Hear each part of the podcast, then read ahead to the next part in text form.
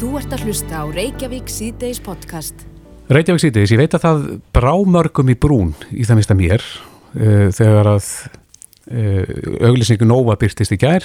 Mm þetta var hérna í kringum uh, landsleikin í Hapolta Já, Og hún er óvenjuleg. Já, hún er mjög óvinnileg og þarna sá maður fólk sprikla um Alber, Alsbert eða reynda var það bara að gera ýmsa hluti Já, bara út út að hjóla, út í. Mhm. búð og, og svona bara ýmislegt, út að hlaupa í, í með síndist lögadalnum eða eitthvað slíkt. Já, og þarna var uh, nektin allsáðandi og um, þetta hefur farið fyrir brjóstið á einhverjum. Við höfum heyrt í fólk í dag sem að fannst þetta óvíðingandi sérstaklega þegar að verið að, að uh, flagga þarna kynfærum fólks. Akkurat.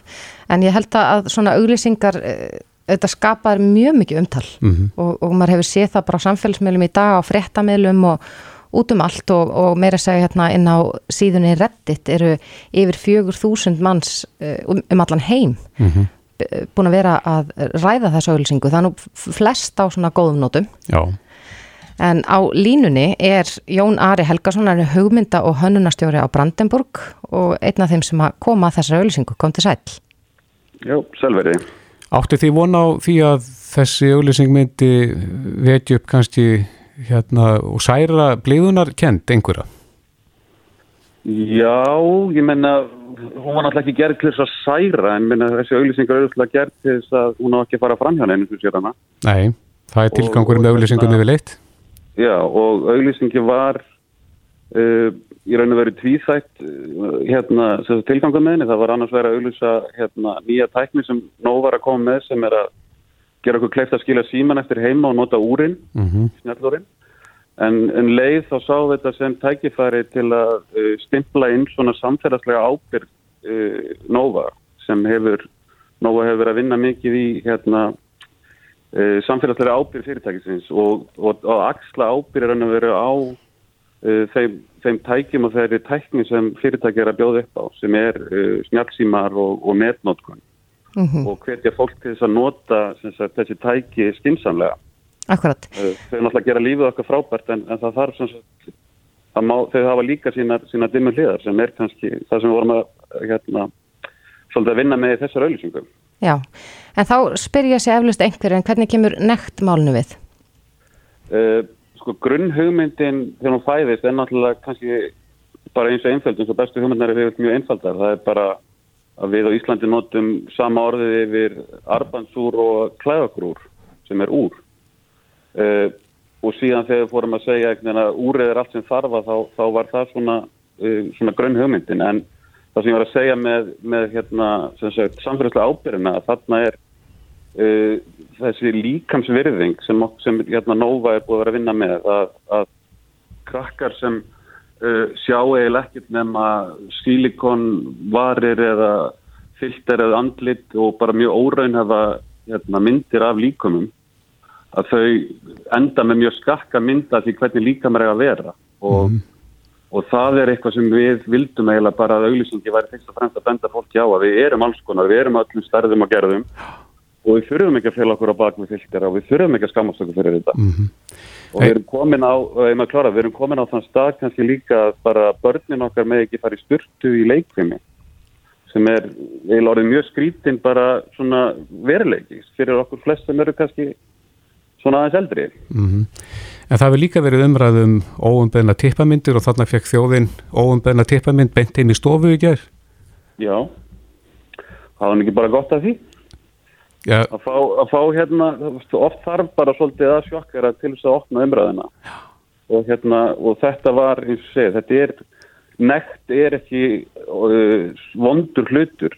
Uh, klám er vondur hlutur og ofbeldi vondur hlutur en nekt er það ekki. Og það var kannski það sem Já. við vorum lögum upp með með öllusingunum var að þetta væri eðlilegt þetta var á engan hátt neitt kynferðilegt í þessar öllusingu það var, það var bara eðlilegu hlutur að fólk var þarna nekt hefði verið hægt að sína nektin án þess að sína kynfæri? Ég, alveg öruglega. En þá væri því öruglega ekki að ringja í mig og ræða. Akkurat, en ég held líka sko að, að uh, nú eru, eins og þú varst að tala um börn, alast upp í þeim heimi að til dæmis gerfvörtur kvenna eru stránglega bannaðar á samfélagsmiðlum Já. en gerfvörtur karla eru það hins vegar ekki. Eh, Voruð þið með það eitthvað inn í myndinu? Ég sá líka að þið voru með svona eins og sensort útgafa af auglýsingunum sem byrtist á samfélagsmiðlum. Eiginlega kannski skrítna við þegar við vorum að vinna þessa vinnu að, að við semst, höfðum samband við fjölmiðla og spurðum bara væri þetta í lægi, fengjum við að byrta þetta uh, áður en að fórum að stað og, og fengjum jákvæðsverð við því uh, út af því að þetta er ekki, segir, þetta er ekki, þetta er ekki klám en hins vegar ráku okkur á það að á samfélagsmiðlum sem eiga nú að vera svona, svona kannski skrefinu framar en gamlumiðlanir uh, að þeir eru bara með tölvu hérna, algoritma sem bara sensorið allt og bara hendis út mm -hmm. og þar þurftu við að koma upp með leiðir til þess að geta sett þetta á samfélagsmiðla á hans að þeir við bannað að einhverjum tölvu hérna, forði og, og þar sýttum við yfir uh, hérna sem sagt sem gerir það ennþá skrítnar að við sittum yfir, það er sett yfir kynfæri fólks og, og gerðvörtu kvanna og, og, og rassa. Mm -hmm. En hvernig metið þið umræðin í dag? Er hún neikvæð, jákvæð? Hún myndi segja að það var yfirgnafandi miklu meira hluta mjög jákvæð og við gætum eiginlega ekki verið ánæri með bara eins og ef við, ef maður sér þessu umræði sem bara skapast út í heimi uh, um bara hvað mikið af fólki skilur strax skilabóðin um jákvæða líkamsýmynd og bara það við eigum ekki að skamast okkur fyrir líkum okkar að þá er það eiginlega bara framar vonum bara hvernig hérna, þau skilabóð komist algjörlega í gegn. Mm -hmm. Þannig að þið hafið náð ykkar markmiðum sem að þið settið ykkur með byrtingu hennar? Uh, já, ég myndi segja það. Já. Svo er, svo er náttúrulega eftir að ná markmiðum á, á að selja úr, það er að framar. Já, akkurat. Jón Ari Helgason, hugmynd á hönnunarstjóru á Brandeburg, kæra þakki fyrir þetta. Já, voru takk fyrir að ringja. Bless, bless. Bless. Og þess maður geta að eh, Bilgjan eh, er í eigu sínar sem að meðalans á og rekur Votofun. Þú ert að hlusta á Reykjavík C-Days podcast. Það eru svakalega fréttina sem við fáum frá Danmarku. Þar á að fara að, að hérna, lóa öllum mingum sem að það er í, í mingabúum og ástæðan er ótti við það að hérna korunuveiran sem er nú að valda þessum heimisfæraldri að, að hún hefur reynda fundist í, í mingum aðna mm -hmm. en hættan er á að hún stökkbreytist Akkurat. og farið síðan frá mingum yfir í menn og þá eru við komið með nýjan færaldur sem að þá þessi bólöfni sem nú er að vinna mun ekki virka á. Akkurat. Þetta er nú en, en, en, rosalega tölur, mm -hmm. hátt í 17 miljónir. Já sem, sem skal aflífa, aflífa og farga. og, og farga sko þannig að þetta er ekki eins og að, að feldurum verið nýttur en, en eh, á línunni að því að við erum að veltaði fyrir okkur hvernig þetta er hérna heima á línunni er eh, Sigurður Gíslatóttir sérgreina dýralækni loðdýrasjúkdóma hjá Matalastofnun, kom til sæl. Komið sæl. Er það saman upp á teiningnum hér? Þar að sér, er þessi staða komin upp hér líka? Nei, nei, alls ekki. Hún er uh, alls ekki svo leiðis, við höfum ekki Uh, orðið vörfið uh, haft neina grunnsendur um að, að mingar á Íslandi hafi smittast af koronaviru. Nei, ef að slík staða kæmu upp, uh, myndið þá fara sömu leið og, og dönsk stjórnveld hafa gripið til? Það er alls ekki vís.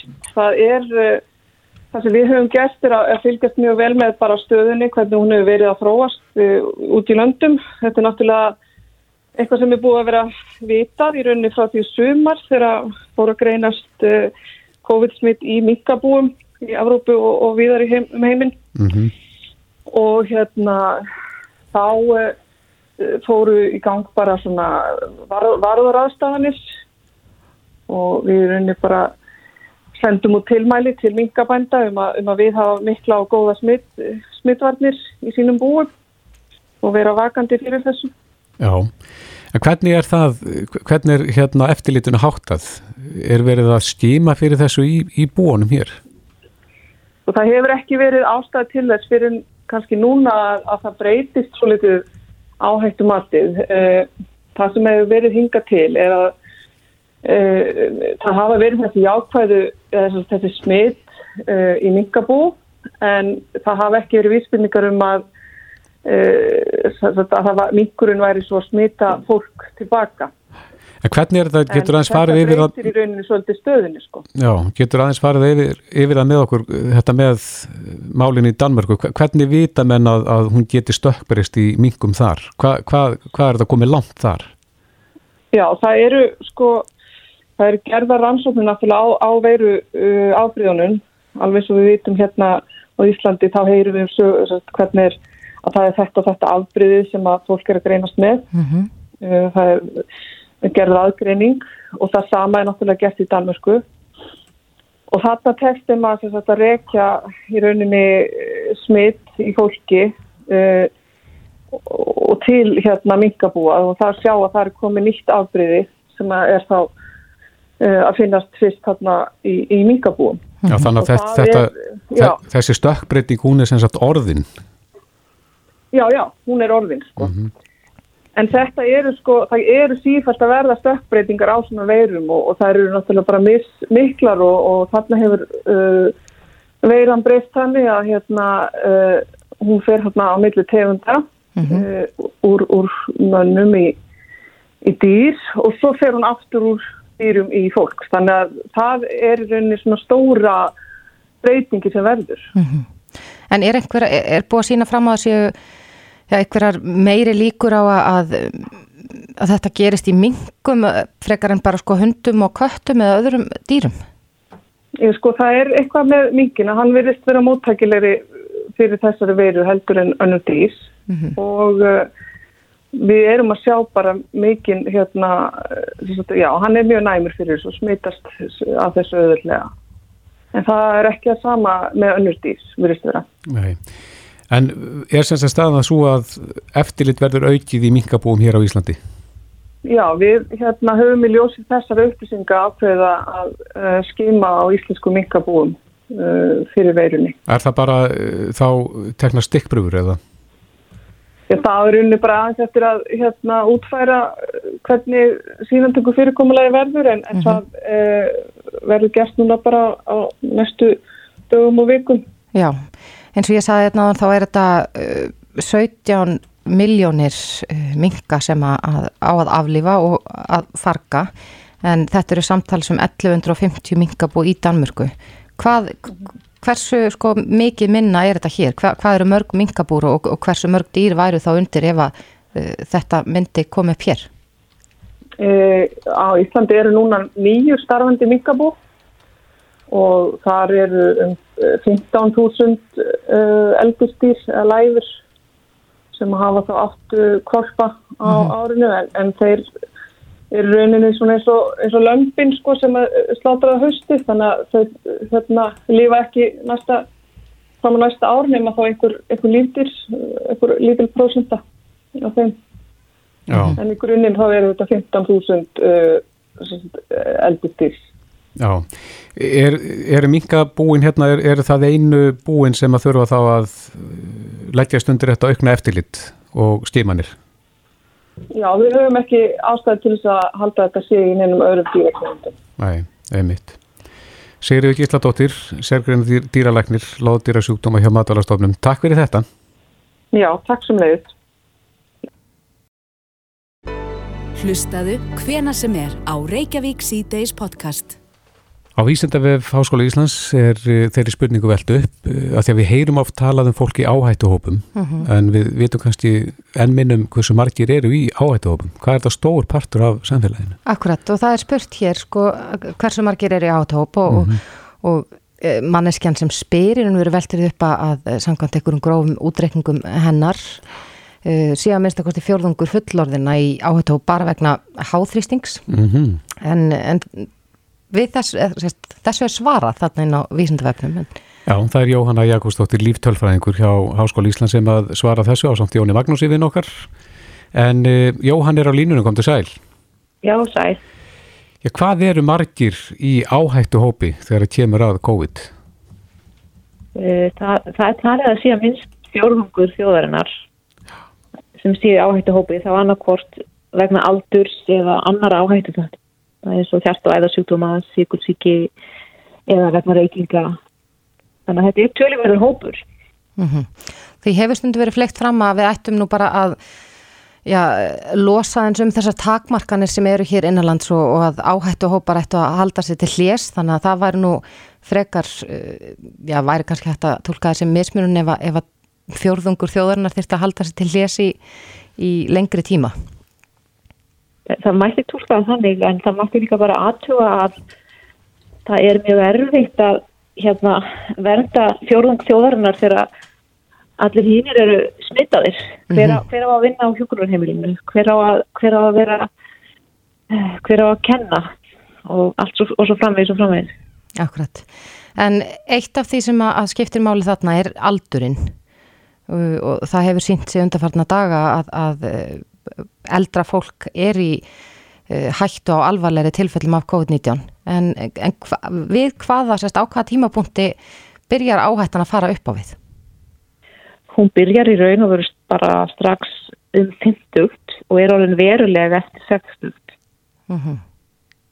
og svo bara eins og við höfum séð núna undanfarnar vikur að, að fyrir fólk sem er komið yfir áttrætt þá er þetta þá er töluverð, töluverð áhætta Er búið að, að, að útskýra það eitthvað eða komast að niðurstöðum það hvers vegna það er? Uh, nei, ekki nema bara almennt þá er háraldur uh, erfiður veg, með tilliti til bara síkinga Mhm. en COVID verðist vera sérstaklega erfitt fyrir eldra fólk en ég veit get ekki svara spurningunni af hverju það er. Nei. En hvaða fleiri breytur eru það sem að, teknar inn í þeirra verið er að skilgreina hverjir eru í áhættuhóp?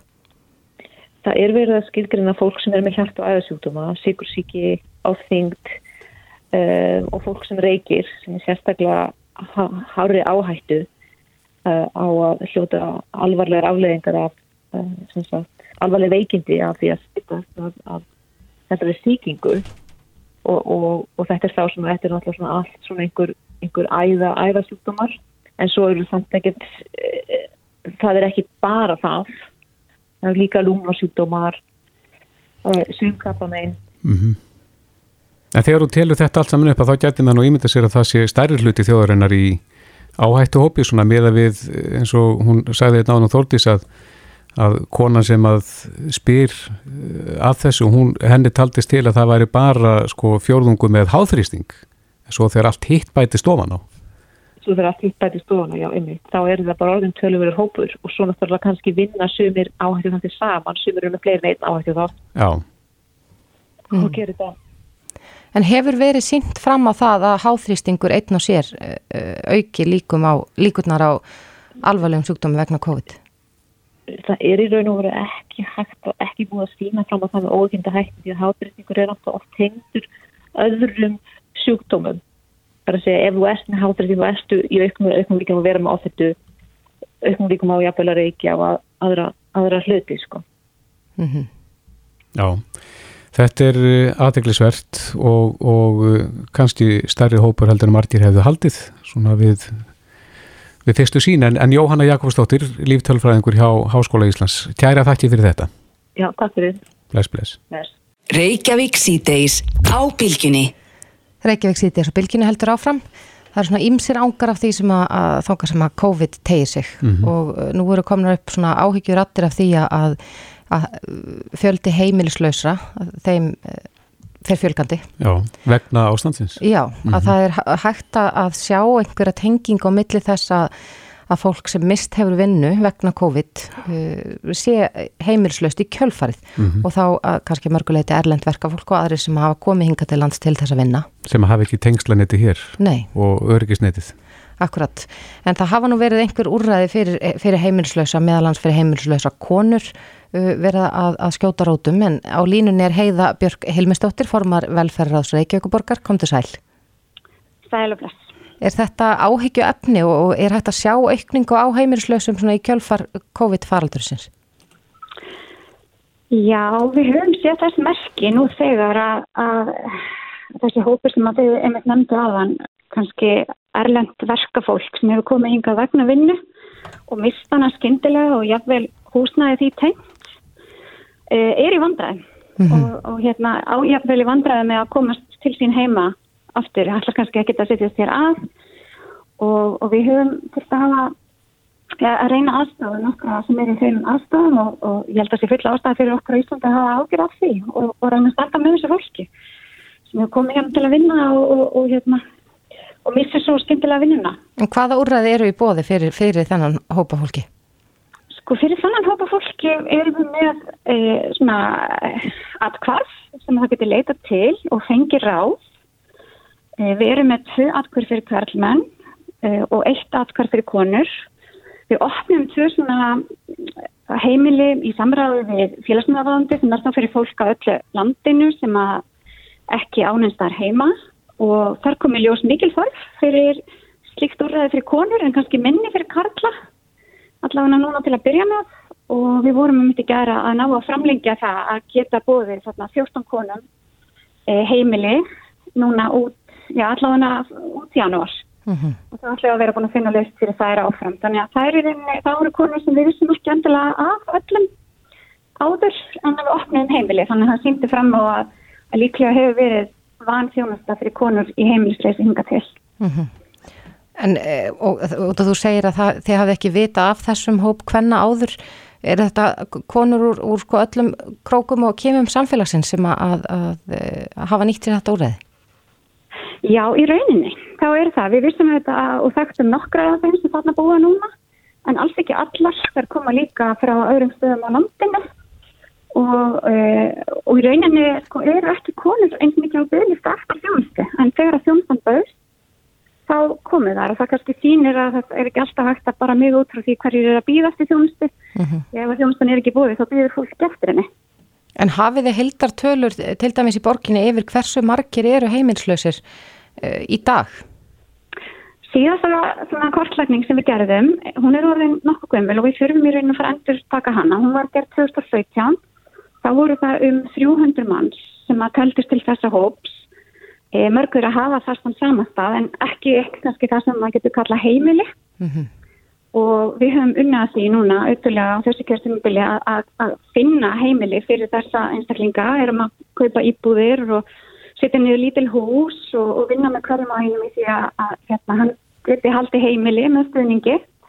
Og ég held að þetta sé bara gríðarlega mikilvægt og, og kannski verður ann mikilvægara núna þegar að fleiri hafa það erfitt og eiga erfitt með að ná endum saman.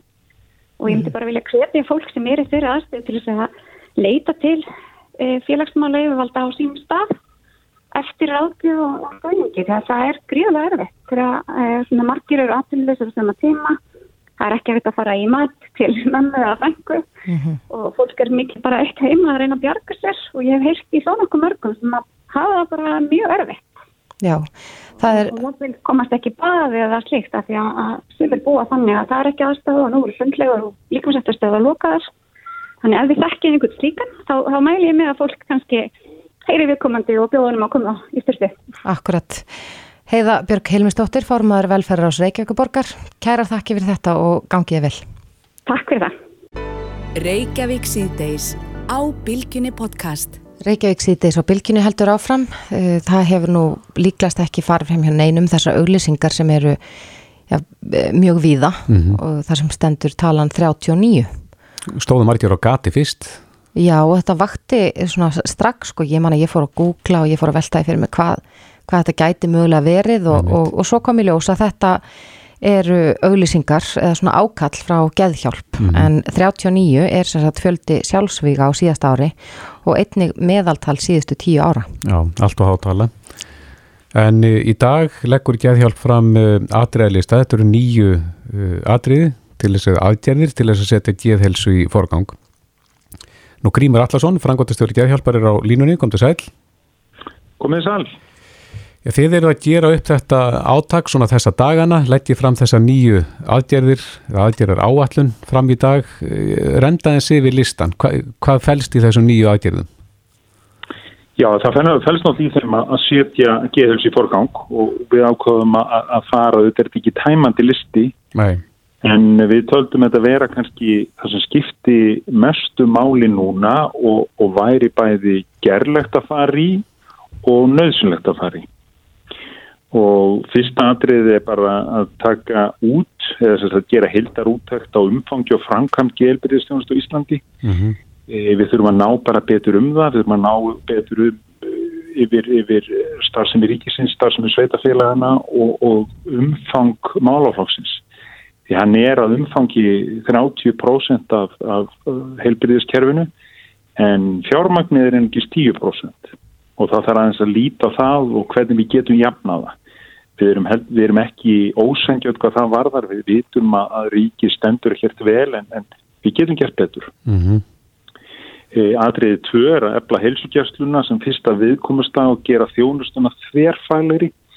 E, við viljum að í rauninni helsugjastlan verði kannski eins og hún var hugsuð og er hugsuð.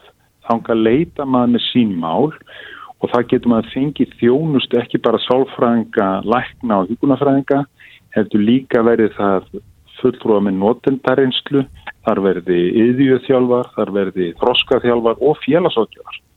Þannig er þetta að ná betur utan um, um það sem að fólk er að klíma við og á heilsugjastluna þar eru erindin 30% vegna ekki að rætna áskoruna þannig að það, heim, það er mjög, á mjög vel við að gera mm, það. En er staðan ekki þannig núna grímur að já, í flestum tilvíkum þá er fólki síðan vísað áfram á, á til dæmis til sálfræðinga vegna þess að þeir eru ekki alltaf til taks á helsugjastlunum? E, nei, þeir eru ekki alltaf til taks og, og fólki vísa áfram en, en vandin er líka og það kemur svo sem í lið sem er nummer, nummer fjögur hjá okkur og það er að það vantar að nýðurgreða þjónustunni sem var samþygt, þjónustu sálfræðingar sem var samþygt á alþingi í vor, það er bara ekki búið að fjármagna það. Mm -hmm. Eh, en, en, en það sem við viljum sjá á helsukjörslunni er meira en bara það og hittir lækni í korter eða tímyndur og jafnvel þar er upp á skriðu lif. Það er svo margt annað sem það er að gera. Lifin er ekki slæm í sjálfu sér, það er bara að gera svo margt með og, og það er skortur á því í helsugjastunni í dag. E, er þriði atrið hjá okkur kannski mjög mikið vært líka, það er að stóra stuðning og fræðslu fyrir fóröldra. Við erum alltaf að huga að, að hugsa um orsaka þátt ekki helbriðis, það er ekki helbriðis. Uh -huh. Og ef þú lítur alveg og þá þarf að vera þannig bara á meðgöngu þá þurfa foreldrar og verðandi mæður og verðandi feður að fá stuðning og fá fræðslu um það hvað til dæmis fyrstu þúsund dagarnir og þá eru við að tala um meðgönguna og síðan fyrstu tvö árun í lifibars eru mikilvæg hvað var það tengslamyndun og hvað var það sem gerir síðar á æfinni e, og, og, og þetta er ekki það er búið að rannsaka þetta talsveiknum á síðustu árum og, og við viljum að þetta verði svolítið sett algjörlega í forgang og, og, hérna, og haldið síðan áfram í rauninni út lífið að, alltaf á hverju stíi svo þurfum komin í leggskóla þá er ennþá stuðningur og fræðsla fyrir fórældra svo þurfum komin í grunnskóla það er áfram stuðningur og fræðsla. Þannig við séum ekki bara að koma inn með barnavend þegar barnið eru 15 ára. Og barnið er kannski ekki að sína annað en, en, en, en uh, afleiðingar þess að eitthvað að það fór á mís við eitthvað fyrr í lífinu. Mm. Þetta var þriðliði grímur og þú varst múin að nefna þetta fjörða. Fjörða og svo er það 50 og það er að gera geðrækt að hluta að aðalnámsk og grunnskóla. Mm -hmm. Það er gríðarlega mikilvægt að, að taka geðræktina inn á öllum skólastegum og börn sé að læra vendandi þetta í geðhelbriðis. Hvernig þá? Geð okkur smá einsýninni það. Hvað getur það verið? Já, þú veist, vendandi þetta í geðhelbriðis er til dæmis að læra, læra um hluti hvernig maður hvernig manni, hvernig, hvernig er hægt að, að til þess að hreyfa sig, hvernig er hægt að nærast vel, þau eru yngri, hvernig er mikið vægt að tala við einhvern fullorðin, trista -hmm. fullorðnum einstaklingi, finna hann, kannski mm -hmm. bara í kennarunni þínu uh, uh, og, og, og, svo, og svo framvegis. Það er svo margt sem að við getum gert sem að vendar okkur, það er bara mísmöndi ef við erum eins, ef við erum, erum 6 ára eða 5 ára, að þá þurfum við þetta að fá, fá uh, leiðbenningar og það hvernig það er best að haga, haga sig þegar maður er á þeim haldri og það, þetta gerir maður ekki eins og maður er fullorðin. Mm -hmm. en, en þetta er því miður að þá vantar þetta tölvert. Þetta er í nokkrum skólum. Vogaskóli var til dæmis stóttið framalega, settuð inn í, inn í þá er kennari það sem að skrifa einn ámsefni í rauninni í geðfræslu fyrir alla bekki í skólans.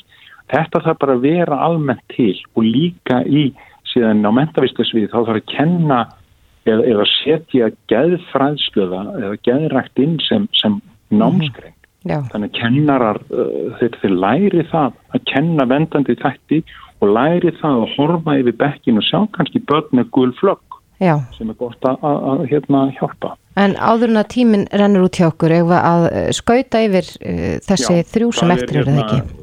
Sjötti er að fjölga atvinnutækjum færum fyrir ungmennum og fólk með geran áskonum. Við erum aðalega að hugsa um 16 til 24 ára þarna því að þar er svo mikið af fólki sem dettur út mm -hmm. og, og fer ekki virkni og endar á örorku meðal annars. Sjöndiliðurinn er gríðarlega mikið vægur og það er að byggja nýtt húsnaði gæðsviðs eh, landsbítala háskóla sjúkrahús og endur skoða hugmyndafræði og innihald meðferðar. Mm -hmm. Þeir sem hafa komið á, á klepp eða, eða, eða veðlávong eða ringbröð vita það húsnaði, það bæði það húsnaði er algjörlega úrsvíkjengin og þetta verður að gera og innihald meðferðar líka. Síðan er áttundiliðurinn og hann er líka mikilvægur, það er að útloka nauðung og þvingun við meðferð. E, það er því miður ennþá þannig að það Er það þannig á Íslandi? Já, það komið ábendingar bara síðast í fyrra, það var opkapp eftirlitt e, þar sem er talað um að, að það sem skorti lagastofu fleira, þar sem er að beita fólk livjaþingunum og, og svo nöðungavistunum og fleira sem, að, sem að við þurfum bara að taka til og, og, og lögfesta samning samina þjóðurna um réttindi fallast fólks. Mm -hmm. Síðan að endingu nýjundiliðurinn að það er að við viljum koma á fót geðráði sem verður svona þar í rauninni, það er svona mæli, það er mælaborð geðhilsu þjóðarinnar og þar komi að notendur, e, fagfólk, fólk úr, úr ráðunitum, sveitafélugum og, og sitji þar og taki í málflokkin og horfa á hann út frá öllum öllum, öllum vinklum uh mhm. -huh. og, og hérna og, og þar vera teknar stefnumótandi ákvarðans. En, þetta er í Nýjasjólandi og Kanada og er mjög mikilvægt. Akkurat. En Grímur, þetta eru nýju aðgerðir. Er það í mikilvægis röð eða er all, sérst, eru allar aðgerðirnar uh, jafnar að víi? Það eru ekki mikið væs, þetta eru, þetta eru allar jafnara við og við gerum hún grein fyrir að sumar þeirra eru, eru taka langan tíma en ég held að, að, að við tökum þetta inn núna og bara skora á alla að, að skrifa undir þannig að við þeirri skílum uh, undir skriftunum og áfram aðgerðunum að þá, þá sé ég að hlustað á það. Og við þurfum að hugsa þetta því núna til dæmis á þessum tímum COVID þá vitum við að þetta verður áhrif á, á líf okkar og geðhilsu okkar allra. Mm -hmm. Þetta er ekki bara geðhilsa, þetta er ekki bara þeirra sem eru e, innilaðurinn á einhverjum deildum. Það er bara... Það er að kynna sér þetta grímur inn á 39.is og skrifa þar undir jafnum. Hvað var margir skrifað undir núna? E, það er að, það er ekki 32.000 núna. Já, og hægt að Þannig, bæta sér á listan hérna inn á 39.is. Já, og við ætlum að loka þessu sunnundaskvöldið og svo skilum við þessu vonandi í næstu viku til ráða, ráðamanna og svo höldum við bara áfram að setja geðhelsu í forgang. Já, Grímur Allarsson, frangóttastjóri Geðhjálpar, kæra þakki fyrir þetta. Takk fyrir kjærlega. Bless, bless. Reykjavík síðdeis á Bilginni podcast. Reykjavík síðdeis heldur áfram. Það eru þetta alltaf í frettum að, að atvinnuleysi er í, í er allt of mikið. Í hæstu hæðum? Í hæstu hæðum, algjörlega mm -hmm. og það koma frettir af hóp uppsögnum og, og, og fleira í þeim dúr. Já. Svo eru þetta margir sem eru ennþá hlutabótaleðinni sem að sem betur fyrr hefur verið uh, að bjarga mörgum. Mm -hmm. En hins vegar fá við frettir af því að uh, margir kvarta yfir því að, fá ekki greiðslur á réttum tíma og þetta var nú til umræðu hér í vor. Einmitt.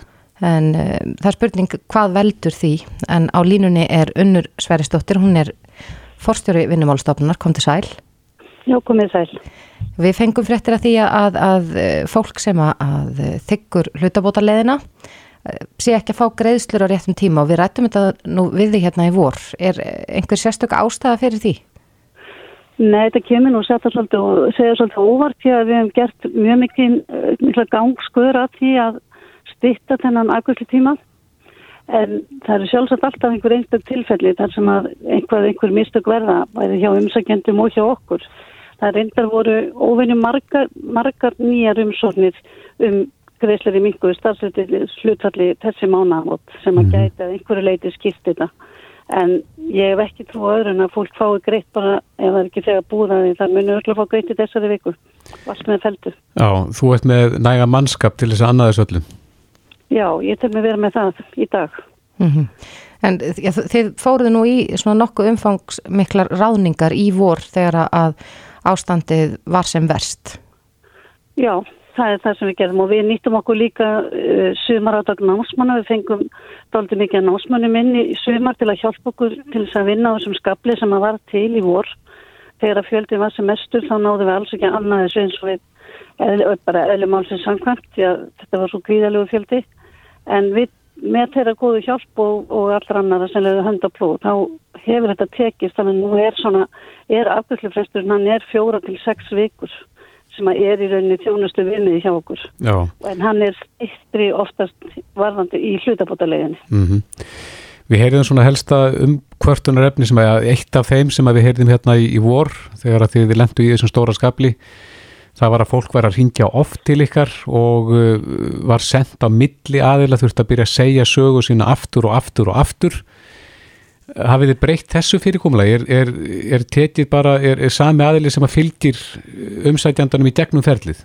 Já, það er markmiði hjá okkur. Það er líka hluta tjónustumarkmiðinu að fólk fái löst sína mála í fyrsta símtali, bara í fyrstu snertingu. Mm -hmm. Og svo líka erum við alltaf að reyna að bæta vefin okkar og allt ferli þar þannig að það getur, fólk getur hjálpað sér sjálf þar líka. Mm -hmm. Við erum með svona snjallmenni líka sem við erum að þjálfa upp. Snjallmenni? Já, snjallmenni á heimasíðin okkar sem heitir Vinni. Já. Sem að heitir fyrir ekki? Sem heitir Vinni. Villi?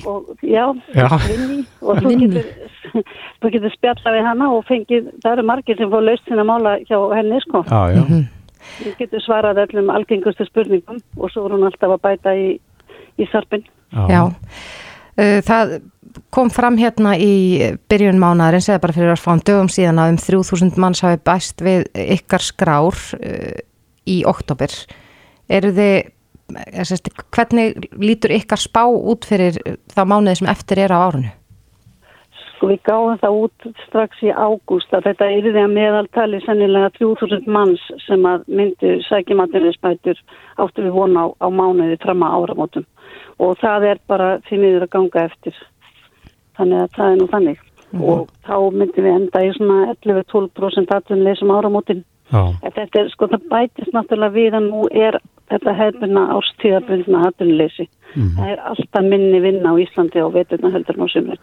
En hvernig sjáu þið síðan fyrir ykkur uppsveifluna? Hvenar förum við síðan að, að hver sólina rýsa aftur? Ég vona náttúrulega sem fyrst en þetta er ekki allir að veðja á þetta sama að bara þegar ferðarlegu fara að komast á stað aftur þá náttúrulega hef ég ekki nokkur vafum að uppsveiflan getur orðið nokkuð góð sko og hröð en mm. það býða náttúrulega bæði við og aðra þjóðir eftir því. Já, en hafið þið tekið saman í hvaða starfsgreinum þetta fólk var sem að bættast við ykkar skrári í síðasta mánu? Nei, við erum ekki búin að greina það, það tekur alltaf svolítið tíma.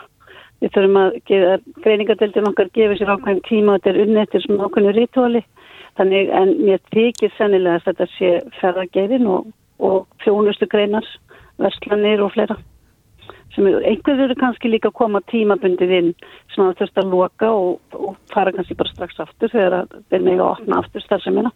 Já, akkurat. Vonum að það fari að, að byrta til sem fyrst á ný. Það skulle við vona. Unnur Sveristóttir, fórstjóri vinnumálastofnunar, takk fyrir þetta. Já, takk sem leiðis. Verðið sæl. Þetta er Reykjavík C-Days podcast. Reykjavík síðdeis á sunnudaginn e, verður fyrsti þáttur síndur af þáttaröð sem ég veit að margir býða spenntir eftir mm. en það eru störf lauruglunar og ég tala um rannsóna lauruglunar svona hérna vafinn dölúð Já, og það er alltaf mikil áhugi hjá almenningi á, á slíkum málum sko. Já, einmitt, en þessi þætti sem að færi lótti á stöðu heita ummerki og það er fréttakonan Sunna Karin Sigurþórsdóttir sem að stýri þessum þáttum og hún er á línu, kom til sæl. Hún er sæl. Ja, hvernig í óskopinu tókst þér að, að komast inn í þetta helga við?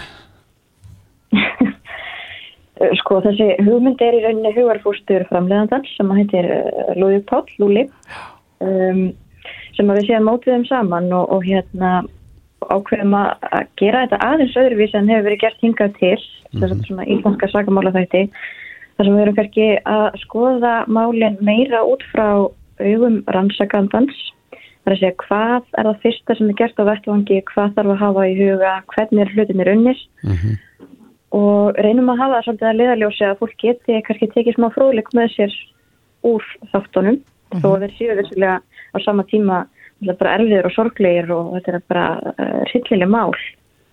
En, hérna, en þá fær maður kannski svona aðeins aðra sín inn í þennan heim og maður er alltaf að lesa fréttur um ímiskonar sakamál, ábeldisbrót og hitt og þetta og þarna svona kannski fær maður aðeins að vita hvernig þetta er gert. Já, þetta eru sex eh, þættir í þessari sériu uh, og þetta er allt byggt á, á sönnum atbyrðum ekki satt og, og, og mér fannst ég sjá það í stiklunni að þegar við meiri segja sko uh, gert upp í raun og veru vettvang glæpa.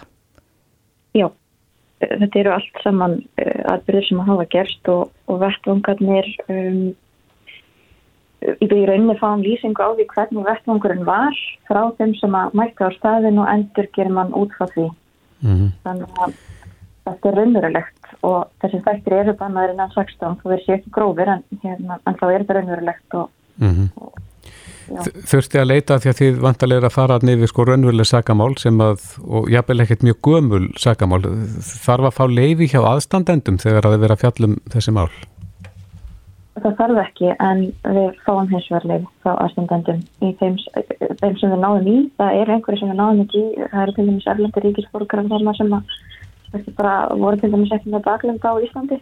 Mm -hmm. En einhverju sér það eru við með eh, samþykki frá fylskildum sem að búa erlendis. Og hérna, já. En eh, nei, sko, það er ekki, í rauninni ekki skilta að gera það en það er ekki eðlilega þegar þetta eru svona mál. Já, akkurat. Uh, getur þú sagt okkur hvaða mál verða teknið fyrir þessum þáttum? Ég sagt ykkur hvað fyrsta mál er. Já. Það er um, mál sem að varði í sterksólum árið 2014. Það var maður sem að myrti einkonu sína fyrir framann ung börn mm -hmm. og þetta er mál sem að fór kannski ekki droslega hátt í fjölmjölum en það var heilmikið saga á bakviða. Mhm. Mm Og þarna farið þið yfir þá rannsóknina alveg frá A til Ö á, á þessu máli? Já, hann sem þetta reyndi að e, heilma yfir þetta og, og svo fullirti að konan hefði sökt sig lífi. Að þá fyrir við svolítið út í það hvernig það er hægt að færa sumra á það að e, hún hafi ekki gert þetta sjálf. Hann hafi verið ráðum bani. Mm -hmm. Og hérna Er, er lágreglan að eh, svona upplýsa uh, hvernig þeir, þeir starfa? Það er að segja, er, eru viðkvæmar upplýsingar sem að, sem að hérna, fólk geti kannski misnótað síðar? Nei, það er ekkert líkt. Og hérna þetta verður engin, engin svona kræmskúl hundra á einn í þessum þáttum en svona, bara svona almennt versklag í kringum svona rannsóknir. Mm -hmm. Þannig að hver ákverðin skiptir máli bara allt frá bara fyrsta manni sem að kemur á vettvang eh, má hann koma inn á vettvangin má hann ekki, hvenar má hann á endur hvaða kringumstöðum og, og svo fyrir þess Akkurat, var uh, samstarfið við laurakluna uh, eh, gott í sagt, vinslu þáttana? Það var mjög fínt og þetta er alveg ótrúlegir fagmenn þannig þingurgóma og, og svona bara aðdáðan að verða að sjá hvernig þeir starfa. Til dæmis bara sko fræðin sem að er þarna að baki því sem þeir gera eh, blóðferðlagreiningar skotstefnufræði og, og hitt og þetta bara hluti sem að maður bara sinnlega hafi aldrei hýrt um. En fræði sem að nýtast við það að upplýsa sakamál og hún ein og sér getur þenni bara upplýst eitt sakamál. Já, já, en nú eru Íslendikar sólgnir í svona þætti, erlenda þætti á borði CSI og, og slíka þætti er þetta allt öðruvísi svona þegar að þegar að kemur að raunveruleikanum? Uh, Rannsóknar hlutum þá? Já. Já, það er það sko við förum aðeins inn á það þó kannski ekkert mikið en svona á og til það förum við inn á uh, mjönin sko hvernig þetta er í CSI og hvernig þetta er mm -hmm. í raunveruleikanum. Já þannig þið berið að einhver leiti saman. Já, í einhverjum tilfellum en það er líka mjög áhugavert að heyra það hvernig svona, hvað er fráböðu og hvað ekki. Akkurat, já, fólk er líklegast með kannski svona nokkuð skakka mynda því hvernig eh, svona rannsókn fer fram eftir að hafa í mörg ár eh, fylst með eh, bandarískum þáttum um, um svona efni. Já, ég hugsa það. Allavega ég ám sko, það var margt sem kom á óverstafni Já, Sunna Karin Sigurþórsdóttir bara til hamingi með þetta, við lökkum til að horfa á sunnudaginn, núna fyrst fyrsti þátturum verið frumsýndur á sunnudaginn og þættirnir eru sex í heldin ekki satt. Það passar. Já, kæra þakkir. Bestu þakkir. Þetta er Reykjavík C-Days podcast.